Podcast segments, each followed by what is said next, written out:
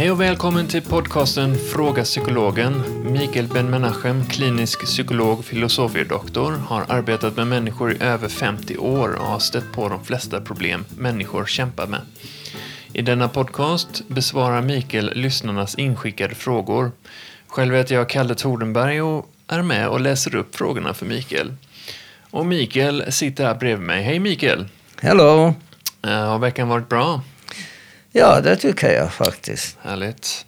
Ja, vi hoppar direkt in i frågorna och eh, första frågan kommer från nyfiken göteborgare.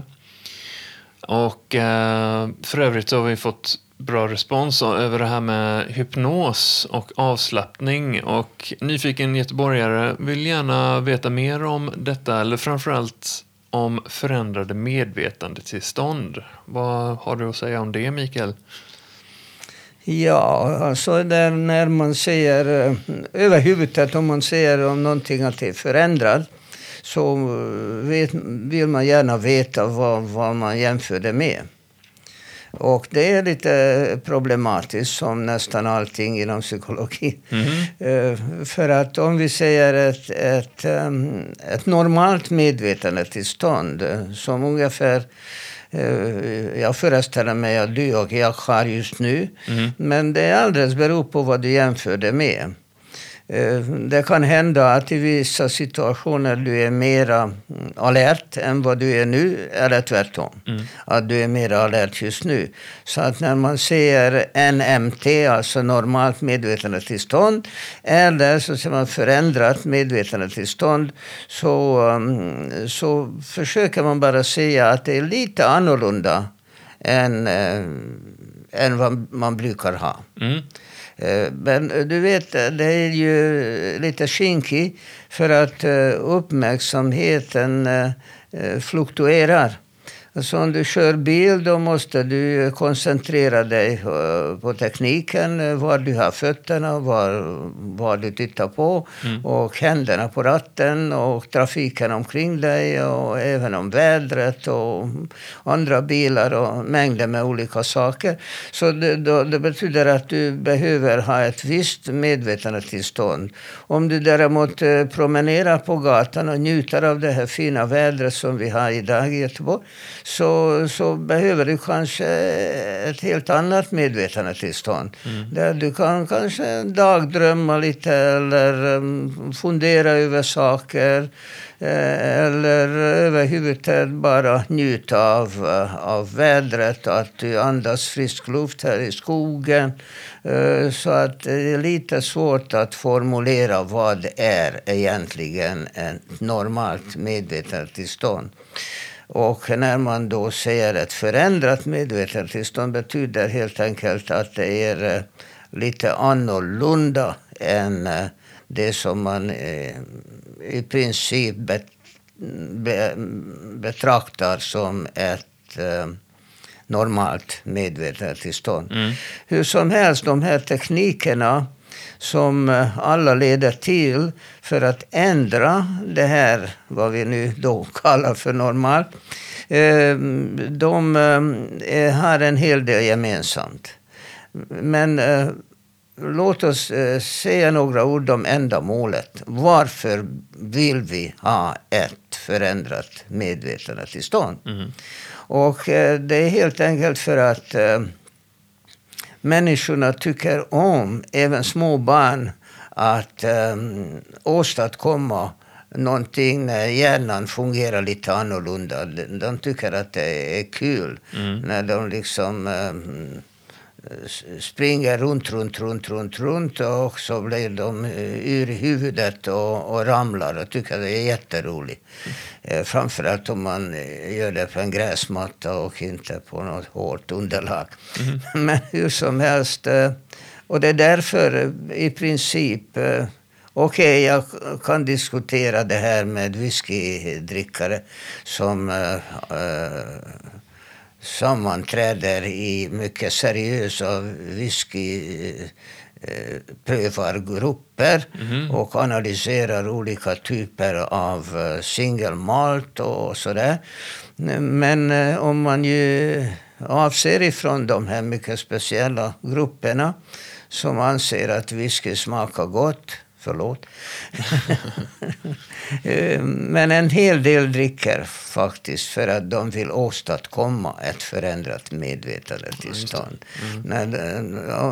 Det, det är kanske smaken, hur mycket det här eh, ölet eller, eller eh, vodkan eller whiskyn eller vad det nu kan vara. Hur det smakar kanske inte är det avgörande i sammanhanget. Utan de vet av erfarenhet att om de inte har en viss mängd av en viss typ av alkoholhaltig dryck så kommer de att känna sig lite annorlunda. Och det är ett förändrat medvetandetillstånd faktiskt. Mm. Och det kan man visst göra med hjälp av alkohol. Frågan är bara om, eh, om vilken nivå man eh, lyckas stanna. Eh. Eh, en del eh, tycker om, bara för att det känns annorlunda helt enkelt, att de kliver ur skinnet för en stund. Det känns lite, lite, lite annorlunda. Men det finns sedan också människor som, som försöker åstadkomma ett förändrat medvetandetillstånd av, av ett visst ändamål. Och eh, de, de flesta och de viktigaste ändamålen är just det som eh, underlättar för oss att klara oss en hel eh, arbetsdag. Mm. På olika arbetsplatser så tempot kan vara väldigt högt. Och man behöver lösa en hel del olika problem. Och därför så behöver man ha en liten paus en liten paus eh, som kan utnyttjas på många olika sätt. Och problemet är bara att, att i, i vår moderna eh, livsstil så är det inte eh, så naturligt med vilopauser. Mm. Som, som var helt naturligt en gång i tiden. Att, att man gick hem och kopplade av lite grann, åt lunch och sov en halvtimme och gick tillbaka till kontoret eller något sånt. Det här är nästan otänkbart idag. Och därför så, så letar man efter eh, alternativa lösningar. Och då, då gäller det inte så mycket att, eh, att man kopplar av så att kroppen får vila. Utan helt enkelt att nollställa hjärnan. Hjärnan är alldeles för, för upptagen med allt möjligt och eh, det kan vara lite jobbigt. Mm. Och därför så längtar man efter eh, att koppla av hjärnan. Och jag får sådana feedback hela tiden från företagsledare som jag har övertygat om. Att efter, efter lunchen eh, vila 10-15 minuter. Och eh, kommer att, att, att märka att eftermiddagens arbete blir mycket lättare. Mm. Att, att hjärnan fungerar bättre, att, att han kan komma fram till beslut snabbare och så vidare. Mm. Så det är absolut värt att, att, att, att ta en liten stund och eh, nollställa hjärnan. Det. Och det kan man göra på många olika sätt. Men i princip så alla de här tekniker eh, fungerar eh, på samma sätt. Jag har skrivit en hel bok om det här. Jag har till och med skrivit en doktorsavhandling om, om avslappning. Mm. Så att eh, principen eh, är detsamma. Men eh, människor använder lite olika tekniker alldeles beroende eh, vad som passar en människa bättre eller bäst. Och jag kan nämna vilken teknik som helst. Det som är mycket vanliga och som fungerar bra i västerlandet det är just eh, andningsbetonade eller eh, någon muskelbetonade eh, tekniker. Okay. Och muskelbetonade betyder att man går igenom kroppen mm. och spänner och slappnar av vissa muskler. Och jag kan i princip eh, köra med en hel sådan eh, teknik. Och ehm, då är fördelen med det att, att de som kanske inte kan göra det själv utan vill gärna lyssna på ett avslappningsband. Det har jag gjort många sådana, eller CD, eller eh, USB eller något liknande. Så ehm, i mitt program här så, så kan jag ge ett sådant program och så kan ni bara eh, klicka för det här programmet när ni känner för att vi slappna av lite grann och, och då kan ni göra det på en gång. Mm. Men det, det, kan ta ungefär en eh, tio minuter eller så. Och, och själva programmet alltså handlar om både andning och muskelavslappning. Mm. Men alltså i själva verket, och låt oss inte lyra någon här, så handlar det om att eh, försöka och eh, bromsa hjärnaktivitet genom en mycket medveten upprepning av vissa saker. Mm. Och idag så tänkte jag inte köra ett helt sådant program. Mm. Men om jag får sådana feedback så, så kan jag köra ett helt program som ja. kan ta ungefär 15 minuter. Mm. Det har varit intressant. Eh, när du snackar om det här så får jag tänka på, jag spelar mu musik med eh, kompisar. Och när det är som bäst och eh, när vi spelar som bäst och jag känner att jag eh, spelar som bäst, då är jag avslappnad och, eh, och då känns det som att man kopplar bort den här rationella tänkandet och in mer i en intuitiv tillstånd. Det, det kan jag uppleva i ett annat sinnestillstånd. Ja, det är helt, helt klart. Men alltså, vi brukar göra de här avslappningsprogrammen med bakgrundsmusik. Och eh, det finns vissa problem med de här musikstycken. Mm. Eh, ofta så, så väljer man ut väldigt långa och, och fina eh, stycken. Typ eh, Mozart 21 pianokonsert, mycket populär i sammanhanget. Uh -huh. eh, och jag har fått sådana feedback från patienter att eh, de kör och eh, lyssnar på radio och så plötsligt spelar de Mozart 21 och så måste de stanna vid vägkanten för att de håller på att somna. Oh, yeah. För att de, de kopplar musiken ihop med mm. avslappningstexten. Mm.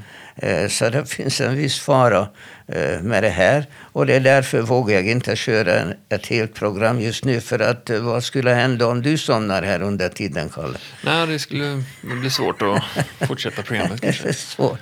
Mm, men jag kan ge ett litet smakprov hur, ah, det, hur det går till. Andas jämnt och lugnt och rytmiskt. Slappna av mer och mer. Du ligger skönt och behagligt.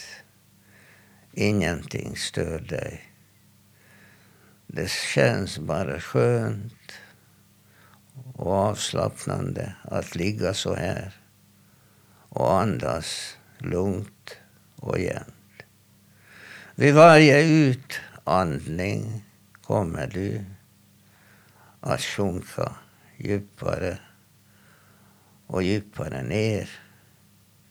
Djupt ner till ett lugnt och behagligt tillstånd. Ingenting stör. Du andas hela tiden med jämna, lugna andetag och vid varje utandning sjunker du en liten bit nedåt. Hela tiden mer och mer. Djupare och djupare. Slappna av.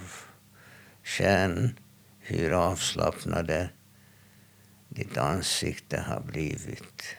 Nacken, bröstet, armarna ligger lugnt och avslappnade. Magen och benen, fötterna ligger så skönt och behagligt. Hela kroppen slappnar av. Du andas hela tiden med jämna, lugna andetag. Allting har nu försvunnit. Allting har nu försvunnit och är långt borta. Du skiljer lite på läpparna och låt avslappningen sprida sig överallt i hela kroppen.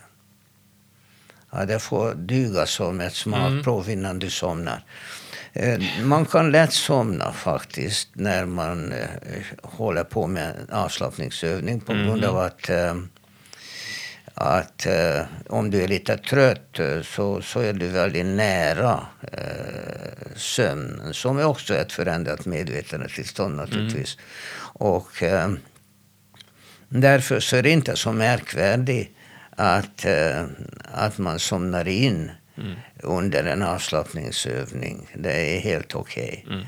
Eh, det bara betyder att vederbörande var lite för trött. Mm. Och då är det den behagliga atmosfären och eh, psykologens eh, monotona eh, röst eh, hjälper till att eh, du sjunker in och somnar in. Att göra det här um säg regelbundet då, eh, kom, har det effekt då i vardagen menar du? Absolut. Alltså jag skulle rekommendera att om man har lunchrast eh, och kanske en, en timme eh, så, så äter man först och så umgås och sådär. Och eh, har man möjlighet att gå tillbaka till sitt tjänsterum eller vad man har. Mm. Uh, och be de andra i närheten att inte störa. Mm. Och stänga av telefonen. Och uh, slappna av så här, typ som jag har gjort mm. just nu. 10-15 minuter. Det gör att hjärnan lugnar ner sig. Mm. Och eftermiddagens arbetsplats blir mycket bättre för du blir mycket piggare och hjärnan liksom är redo för alla nya uppmaningar. Mm. Mm. Ja, jag tror det skulle gynna många att göra det här eh, hyfsat regelbundet faktiskt. Man kan göra det för väldigt många olika sätt. Det här var bara ett sätt. Ja. Men om du jobbar på kontor till exempel, ja. så då har du eh, olika saker omkring dig. Till exempel gem brukar ingå i kontorsutrustningen. Mm. Som du, så du tar ett så här gem, spelar ingen roll om det är metall eller plast. Och om du har en bit eh, sytråd mm ungefär 20-25 centimeter. Mm. Så eh, knut fast gem med det här sytråden och, ehm, och titta på det. Okay. Alltså du håller... Ja, eh, dinglande så. Eh, eh, det är nästa steg. Vänta lite. Vänta lite. Jag alltså du, håller, du har åstadkommit en pendel. Mm. Okay? Ja, det kan man göra med mycket elegant. Man kan köpa sådana här pendlar. Ja. Mycket eleganta sådana. Men det, det duger bra med så här kontorsgem. Och du håller det mellan uh, tumme och uh, pekfinger. Mm. Och tittar på det. Du gör inget annat. Bara titta på. Mm. Och sen kan du börja och uh, suggerera, alltså köra med en suggestion. Och du säger att jag rör inte mina fingrar. Mm. De bara håller pendeln. Men jag har en så stark vilja att jag kan styra den här pendeln. Och jag bestämmer mig för att börja styra nu så att pendeln ska börja svänga från höger till vänster och från vänster till höger. Och så säger man det här några gånger och koncentrerar dig och tittar på pendeln. Mm. Eh, sen börjar den svänga. Då kan någon invända och säga ja men det har du gjort medvetet. Eh, mm. Sådär. Eh, men det är okej, okay. det, det stör inte. Huvudsaken är att du koncentrerar dig på pendeln och du säger jag rör inte mina fingrar. Pendeln kommer att röra sig. Och sen kan du också suggerera att pendeln kommer att röra en annan riktning. till exempel mot dig eller tvärtom. Mm. Och sen i, i sista fasen så ser du att du tittar på den pendeln som du håller mellan tumme och pekfinger. Och du blir mer och mer avslappnad. Mer och mer avslappnad. Du håller pendeln mellan tumme och pekfinger. Du blir mer och mer avslappnad. Allting försvinner. Hopp! Vad hände? Mm. Jo, pendeln har ramlat. Mm. Du, du, har inte ens märkt att du har suggererat dig själv att, eh, att fingrarna ska glida. Och de behöver inte glida så mycket. Med sytråd vad är det, en bråkdel av en millimeter. Eller hur? Men Så att den, den rörelsen som du suggererar till dina fingrar är enormt liten. Mm. Och utan att du ens märker det så glider fingrarna ifrån varandra, pendeln faller. Och eh, då är du både avslappnad och eh, vaknar till när pendeln ramlar. En mycket enkel övning om du inte hinner att göra en så här muskel och andningsbetonad avslappning. Och jag kan nämna flera sådana tekniker. Huvudsaken är att dra hjärnans uppmärksamhet från eh, att eh, tänka på allt möjligt på jobbet eh, ifrån och att hjärnan inte har så mycket att arbeta med. Ja, Det är bara så. intressant. Eh, nästa fråga är från Linda. och Hon säger att hon studerar med två kamrater. Men det är alltid någon som dominerar och trycker ner henne. Hon undrar hur hon ska lösa detta problem. Ja, alltså det, det är ett mycket vanligt problem. Egentligen så att studera i grupp är bra. Mm. Eh, Det var inte så vanligt i Sverige tidigare. Men det blev mer och mer vanligt och jag tycker om det.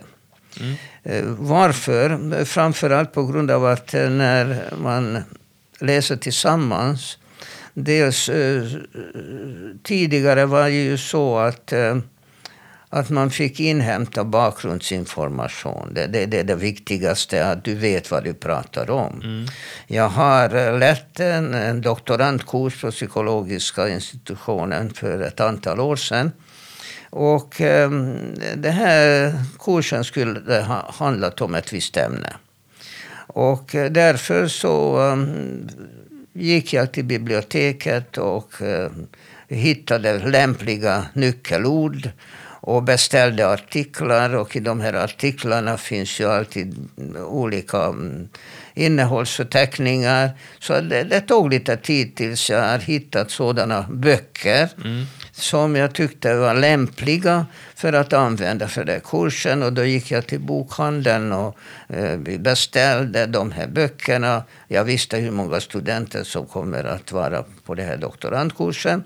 Och jag skickade ut den här eh, litteraturlistan i god tid eh, så att, att eleverna kunde gå till affärerna, affären när jag redan beställt böckerna och fått dem.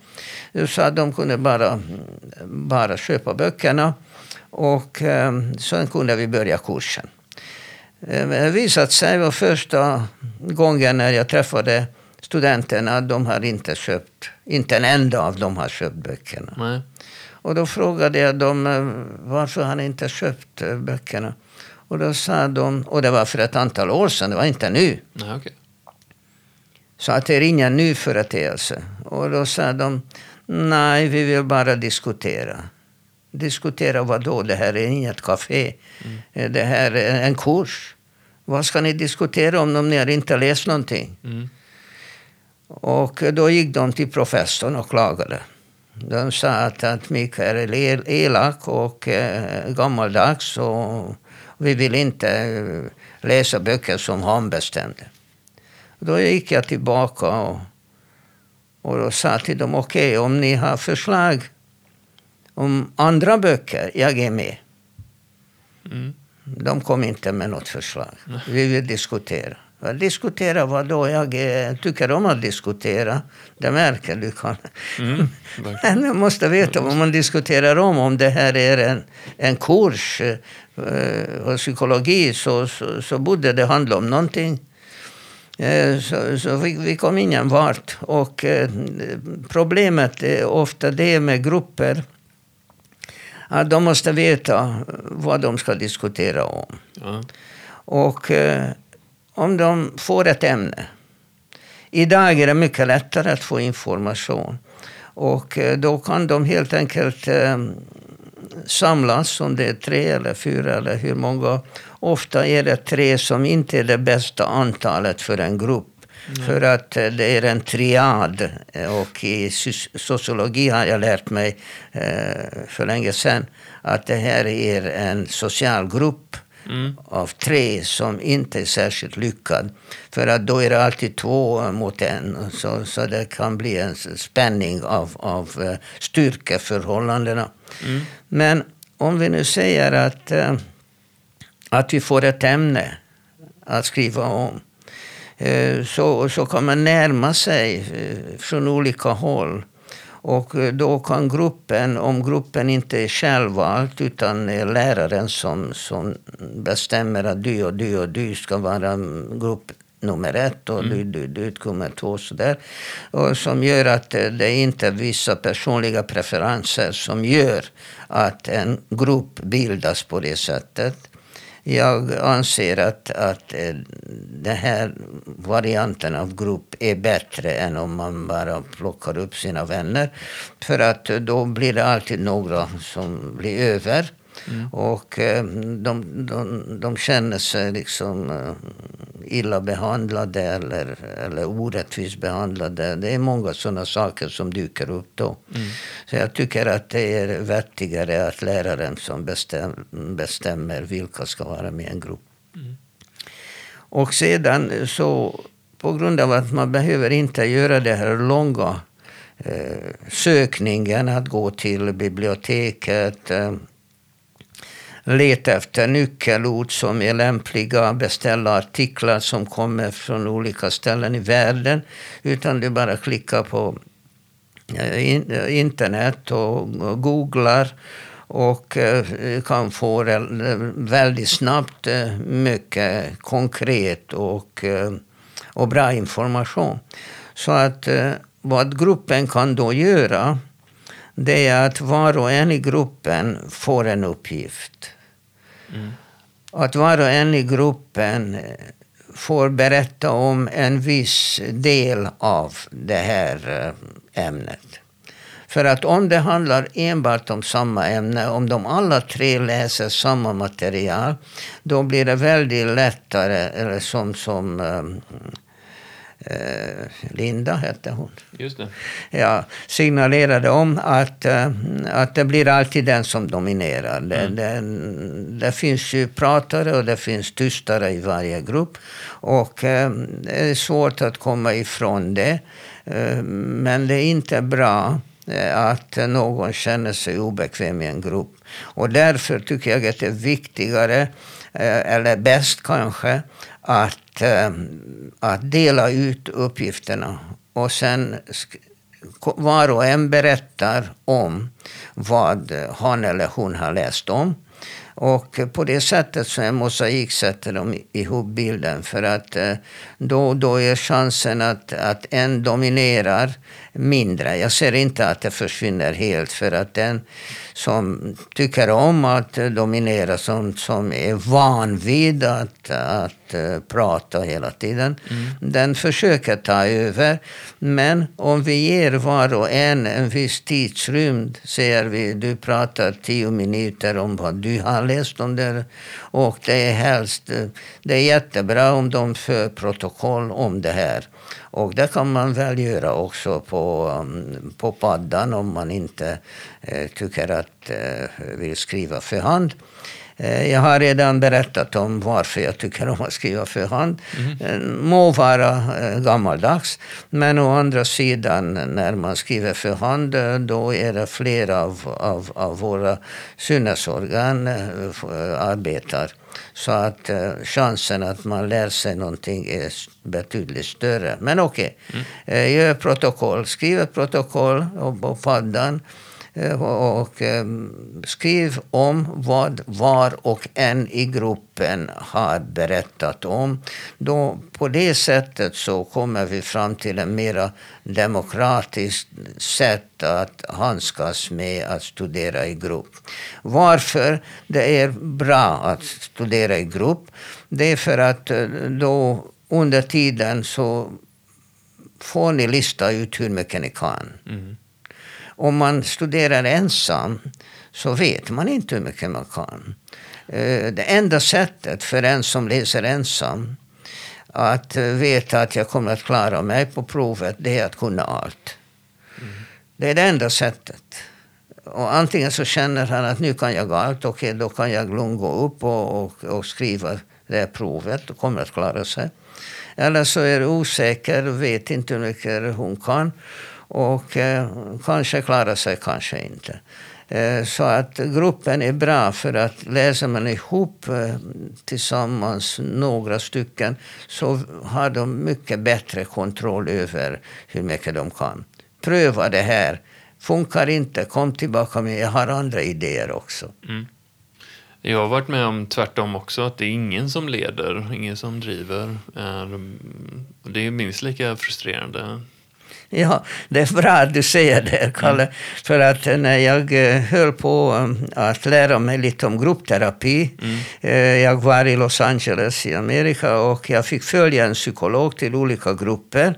Och eh, han var ju väldigt upptagen, så han fick äta sina smörgåsar i bilen. Du vet, man kör rätt mycket i Los Angeles. Ja. Och mellan två universitet så hade vi 20-25 minuter.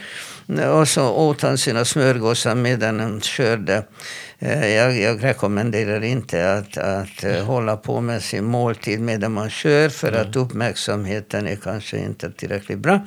Men hur som helst, eh, Dr. Grimberg som han hette, varnade mig som novis att Mikael var försiktig för att det största problemet med gruppterapin det är att det är alltid någon som vill dominera och du får verkligen se till att ge en chans till alla i gruppen. Mm. Så jag kom hem med det här nyförvärvade kunskapen. Och i den första gruppen jag fick arbeta med tänkte jag på det här vad Dr. Grunberg sagt.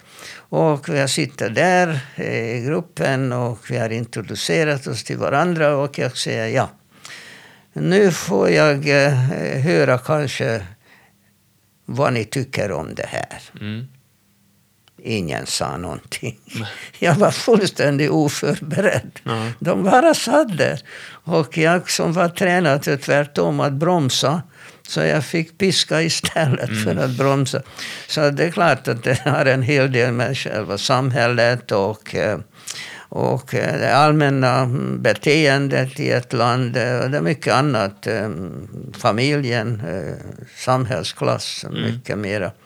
Utbildningsnivå, vad vet jag. Så att det är klart att de, de som, som jag sa nyss, att det är alltid den som är van vid att, att prata eh, tar initiativet. Men om vi har en grupp där det inte finns en sådan. Mm. Och eh, det, är oftast så faktiskt att eh, i varje triad, alltså varje trepersonsgrupp finns en som vill prata. Det kan mycket väl vara så att ingen av dem vill. Mm. Och det är klart att det här är också ett problem, men, men rent psykiskt så känner man inte eh, dålig på grund av att, att det är någon annan som liksom tar uh, all plats. Mm. Och, och jag bara sitter där och är förbannad. Mm. För att då är, sitter de alla i, sam, i, i samma båt. Mm. Men å andra sidan uh, så bör man kanske sätta upp regler att var och en får börja och, och berätta. Och de kan till och med Eh, bestämma i förväg vem som börjar och, och så byta det här lite grann. Mm. Mm. Ja, men jag har varit med om många arbetsplatser också där många beklagar sig. Ah, det här borde göras och det skulle göras och det skulle... Och sen tystnad. Sådär. Jaha, men varför gör vi inte någon av de grejerna? Eller blir min reaktion. Eh, så det är rätt ofta den, ja, men sådär, den dynamiken dyker upp. Mm, ja. Å andra sidan, man behöver inte vara så rädd för att, att, eh, att vara tyst. Mm. Det kan ju vara väldigt terapeutiskt och um, under tystnaden så, så funderar man. Hjärnan jobbar ju. Och uh, man kan få idéer medan man inte säger någonting. Det betyder inte alls att man har någonting att säga bara för att man pratar. Nej, gud nej. Många som kan säga mycket utan att tala. Eller tala som inte säger någonting. ja, precis. Det är väldigt vanligt. Mm. Och uh, det som jag riktigt avskyr det är när de inte har någonting att säga men pratar. Att de använder en hel massa sådana nonsensuttryck. Mm, jargong. Ja. Och det, det, det avskyr jag när de säger sådana saker. Liksom. Det är jättevanligt. Liksom vadå? Mm. Eller eh, så att säga. Eller eller så här, om man säger så. Eller industrijargong, att man off, ja, nu ska vi offshora för vår bottom line. Du vet, man håller på och fluffar med massa uttryck som i slutändan inte betyder någonting, men det låter bra. Ja, låter och det, det finns en del ord som jag riktigt avskyr. Såna här som Eh, berättelse till exempel. Att de använder ordet berättelse utan att berätta någonting. Ja, okay. Utan istället för att säga att eh, historia mm. till exempel. Eh, då säger de inte att eh, Sveriges historia, mm. som är helt okej, okay, mm. både grammatiskt och eh, innehållsmässigt. Men då säger de istället för den svenska berättelsen. Vad betyder det? Mm. Alltså det finns en hel del sådana fyllningsord och moderna eh, plattform till exempel. Ja. Jag, när jag hör ordet plattform, jag tänkte på ute på Nordsjön när de borrar efter olja. ja. Jo, men det språk är ju väldigt... Eh, kan, är jättehäftigt, men kan vara lite bedrägligt också. Eh, utnyttjas. Ja. Eh, vi har även en fråga från en studerande som skriver att eh, du, Mikael, pratar mycket om att göra anteckningar. Men nu studerar de flesta enbart på datorer och iPads och sådär. Då undrar denna om förslag hur man utnyttjar de här moderna medlen för bättre studieteknik. Ja, framför allt, eh, det, det, det här är otroligt eh, spännande och intressant hur lätt det är att, att få information. Mm. Vi lever ju i ett informationssamhälle. Alltså, jag är riktigt avundsjuk på dagens studenter. Mm. Ja, vi fick jobba så hårt för att få fram information. Ja. Och, och sen ibland så var det helt fel också. Jag, jag ger dig ett exempel. Jag, jag arbetade ju med avslappning. Och avslappning på psykologispråk på engelska säger vi betyder relaxation. Mm. Okay? Så jag gick till biblioteket, till biomedicinska biblioteket och eh, talade med en bibliotekarie och berättade för honom att jag är intresserad av artiklar som handlar om relaxation. Mm. Okej, okay, så då, i den tiden så var datorn ungefär eh, Eh, så stort som ett vardagsrum. Mm. Och ehm, så han letade efter och ehm, presenterade med en hel lista eh, om olika artiklar i olika vetenskapliga tidskrifter som handlar om relaxation. Vad bra, tänkte jag. Okej. Okay. Så beställer vi 20 artiklar så, så snart kan jag eh, börja och eh, och skriva åtminstone introduktionen till min artikel som jag ville, ha, ville skriva om avslappning. Mm. Och vi väntade ett par veckor och de här artiklarna började komma från olika länder. Och jag började, började läsa. Läser, vad är det för någonting? Mm. Vad är det för någonting? Vad läser jag om? Jo, det visade sig att ordet relaxation var ett, ett vanligt ord inom metallurgi. Du vet att när man bygger en bro -huh. så, så måste man, ingenjörerna måste räkna med att metallen rör sig. Ja. Och om man svetsar ihop eh, stålkonstruktionen så kommer eh, bron att gå sönder. Mm. Så den, de måste ju bygga in små avstånd i, i, i konstruktionen för att metallen rör sig. Ja. Och det är vad de kallar för relaxation. Åh. Så nästan alla artiklar som han har fått från Australien och Nya Zeeland och Kanada, vad vet jag, då handlar det om metallurgi. Och eh, sånt händer inte idag för att du trycker på knappen, relaxation och ser på en gång att det inte handlar om. Så försöker du kombinera kanske med ordet psykologi eller muskel eller metall, eller mm, metall säger jag, mental eller något sånt. Eh, och, och då får du väldigt mm, bra artiklar på en gång. Så att du sparar enormt mycket tid för att få relevanta artiklar. Och överhuvudtaget att, att, att leta efter information, det är ju fantastiskt. Hur lätt som helst. Min min ena dotter skulle skriva en, en uppsats om, om energi. Mm. Och eh, att hon, hon är arkitekt och, eh, och när hon var på mastersnivån så sa hennes lärare till henne att eh, Ja, du är ju svensk, så ja, det här är utlandet. Eh, och eh, då, då kunde du kanske skriva lite grann om eh, förnyad energi i Sverige. Sverige är känt för att eh, duktig. Ett land som är duktig med att, att utnyttja alternativa energikällor. Mm. Och så hon ringde mig och sa pappa kan du inte kolla det här lite grann? Jag har för mycket att göra på jobbet.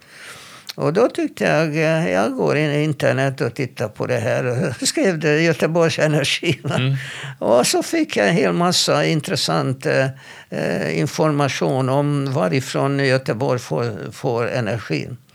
Eh, Så jag kunde presentera nästa dag ett material till henne. Ja, men ett sådant jobb skulle ha tagit en månad tidigare. Ja. Och jag har lärt mig en del också. Jag, vet du varifrån vi får energin i Göteborg? Ehm, bra fråga. Ja, det är väl vatten och vind och...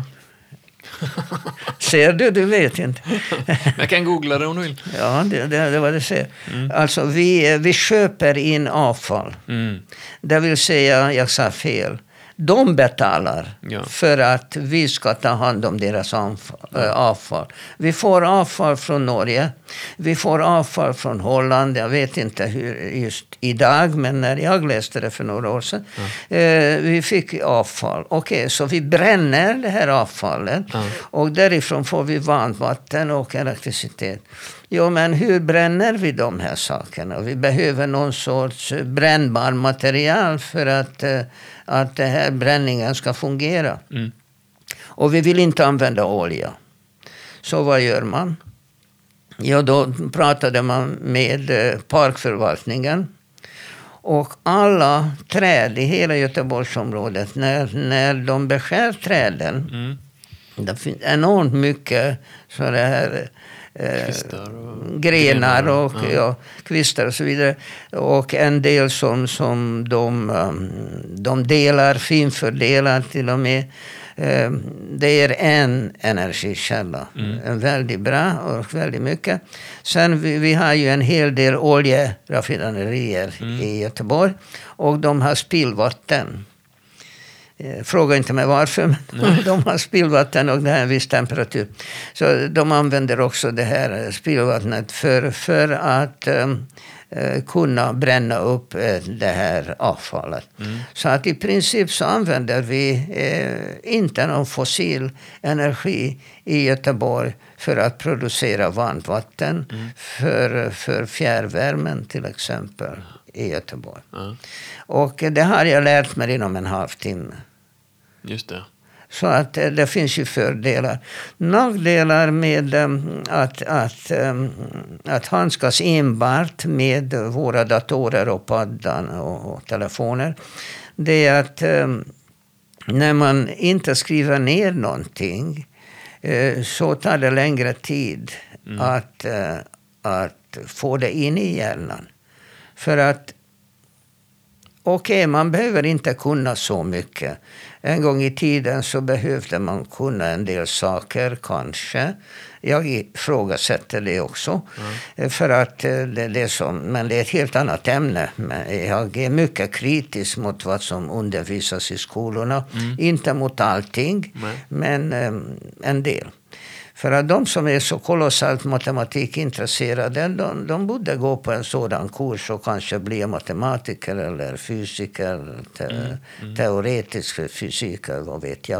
Mm. Men 90, över 90 procent av studenterna skulle vara och då menar jag elever i grundskolan ja. och i gymnasiet. Jag tror att en bra 90 procent av eleverna skulle vara glada om de slapp eh, matematik. Det tror jag med. nu, nu pratar jag lite om mig själv. Ja. Men hur som helst, alltså, när jag läste, och jag läste i eh, NA-linjen, när jag gick i gymnasiet. Och eh, vi läste bland annat eh, beskrivande geometri jag lovar dig, Kalle, att under hela mitt långa liv mm. så har jag inte behövt kunna beskrivande geometri en enda gång. Och tänk på hur mycket tid gick åt det här. Man kunde läsa en hel del mera. Ja, sånt som man gillar och är intresserad av. Inte bara det, utan ja. praktiska saker. Ja, det också. Ja, precis. Jag tycker att man ska, man ska läsa svenska. Det, det, det tycker jag är elementärt, att man kan sitt språk. Ja, hur man sköter sin ekonomi och investeringar skulle jag vilja ha mer i skolan. Ja. Privatekonomi, sådär. Ja, det tycker jag absolut. Och som ehm, vi har, jag har haft ett barnbarn här igår som, som pluggar just i gymnasiet och de höll på att, att förstå hur Sveriges riksdag fungerar. Mm. Jag tycker jag är mycket relevant och det är jättebra. Mm. Men eh, det finns ju också en hel massa saker som man insåg en gång i tiden. Jag vet inte hur det var, vad de har grundat på. För att ordet gymnasium som eh, romarna använde, det handlade om sport. Mm. Och det nonchaleras en hel del i skolorna. Gympa kallar de för någonting. Mm. Det är väldigt synd, för att sport är viktigt. Mm. Alltså kroppen är lika viktig som, som, som själen. Alltså man, man, man ska inte nonchalera kroppen. Det, det är en balansgång. Man mm. ska mm. båda sköta kroppen och, och hjärnan. Men sedan när man behöver kunna någonting. Alltså det, låt oss säga så här. Eh, man behöver inte kunna någonting egentligen. Nej. Eh, om, om, man vill, om man vill ge eh, skenet att man är en, en, en välutbildad eller lärd mm. man mm. Mm. och kan briljera med att kunna säga eh, citat, eh, berömda citat på franska eller latin. Okej. Okay. Mm. Men man kan lugnt leva, leva utan det. Man behöver inte kunna någonting egentligen. Mm. Eh, vad man behöver kunna det är att om man behöver information, att man vet var man hittar det. Mm. Om man lär sig verkligen och är duktig på hur man kan hitta relevant information. Och inte bara Google, utan mycket annat. Det kan ju vara mera specifika saker. Så egentligen så kan man skriva ner det. Frågan är bara vad man ska använda den här informationen och hur. Mm, okay. Jag anser fortfarande att man inte behöver ha det i huvudet. Det är precis som att att använda räknedosa eller telefonen för att räkna ut saker verkar vara helt okej okay idag. Det var ju otänkbart när jag läste matematik att mm. man ska använda räknedosa. Men eh, saken är det att eh, varför inte? Jag menar det är resultatet som, som är viktigt i sammanhanget. Om du kan räkna ut någonting och kan ge resultat så är det helt okej. Okay det är ointressant på vilket sätt du har fått det. Mm. Och frågan är bara liksom att uh, det här med betygssystemet. Att uh, eleverna måste ju visa att de, de har lärt sig någonting. Mm. Och hur ska då lärarna bedöma det här om man inte har ett betygssystem eller på något sätt uh, lista ut. Men jag har lyssnat på pedagoger, moderna pedagoger. Mm som, eh, som ansåg att eleverna kom, kan komma fram själva och säga jag, jag vill visa att jag kan det och det.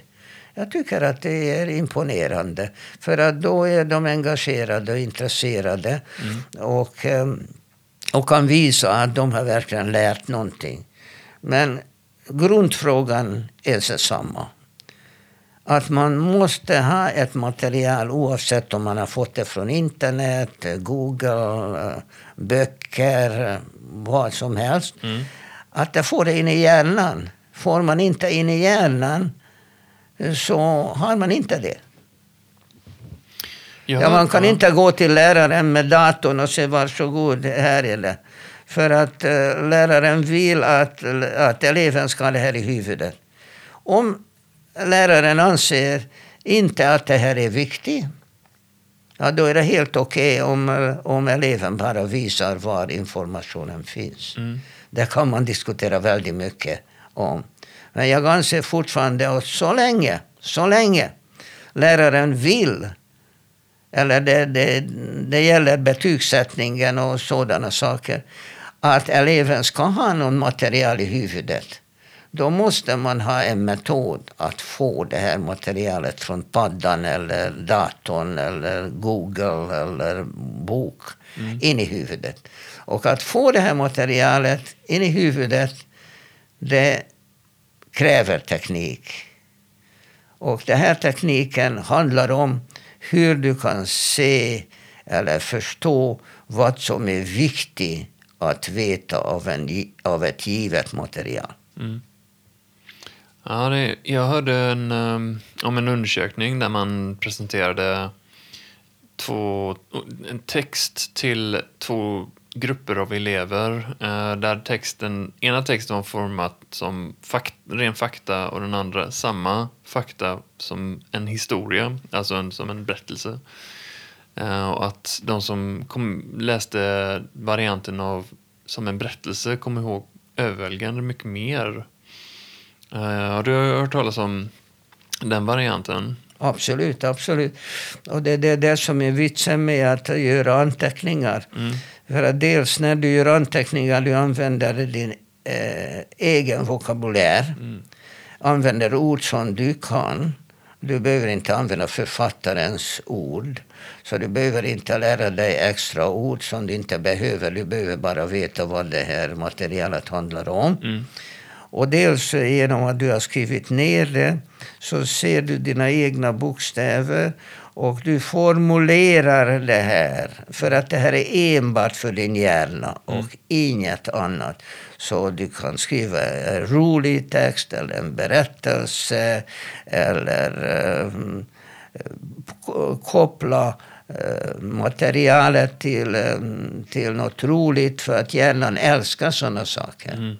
Och du kommer mycket bättre ihåg om du skriver ner. Du till och med kan komma ihåg eh, var den här informationen uh, stod på, på bladet. Mm. Alltså det finns en så här uh, geografisk minneskarta som man kan göra. Allt det här kan man göra med handen. Det är väldigt svårt att göra med datorn och mm. onödigt. Mm.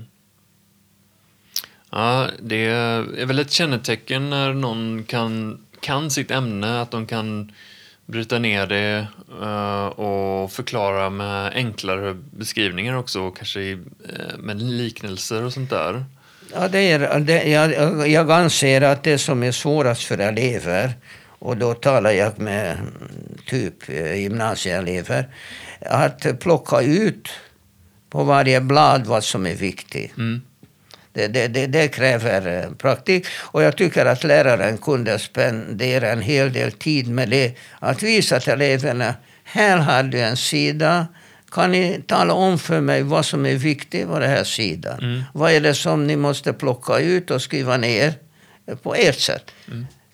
Men de kanske inte vet vad som är viktigt. Mm. Och, och, därför eh, anser jag att det skulle vara lärarens eh, uppgift att visa eleverna hur man hittar eh, den viktiga informationen. Mm. Och resten är ointressant. Mm. Intressant Mikael. Ehm, Det var dagens frågor. Och har ni en fråga ni vill ställa Mikael så skicka gärna via mail till fragapsykologen.gmail.com Eller varför inte gå in på Frå- Fråga Psykologens Facebook-sida och skriv någonting där om något ämne som ni vill att Mikael ska ta upp eller eh, allmänna frågor. Eller specifika frågor om ni, om ni vågar det. Men jättebra. Tack så mycket Mikael. Tack för idag. Tack för idag.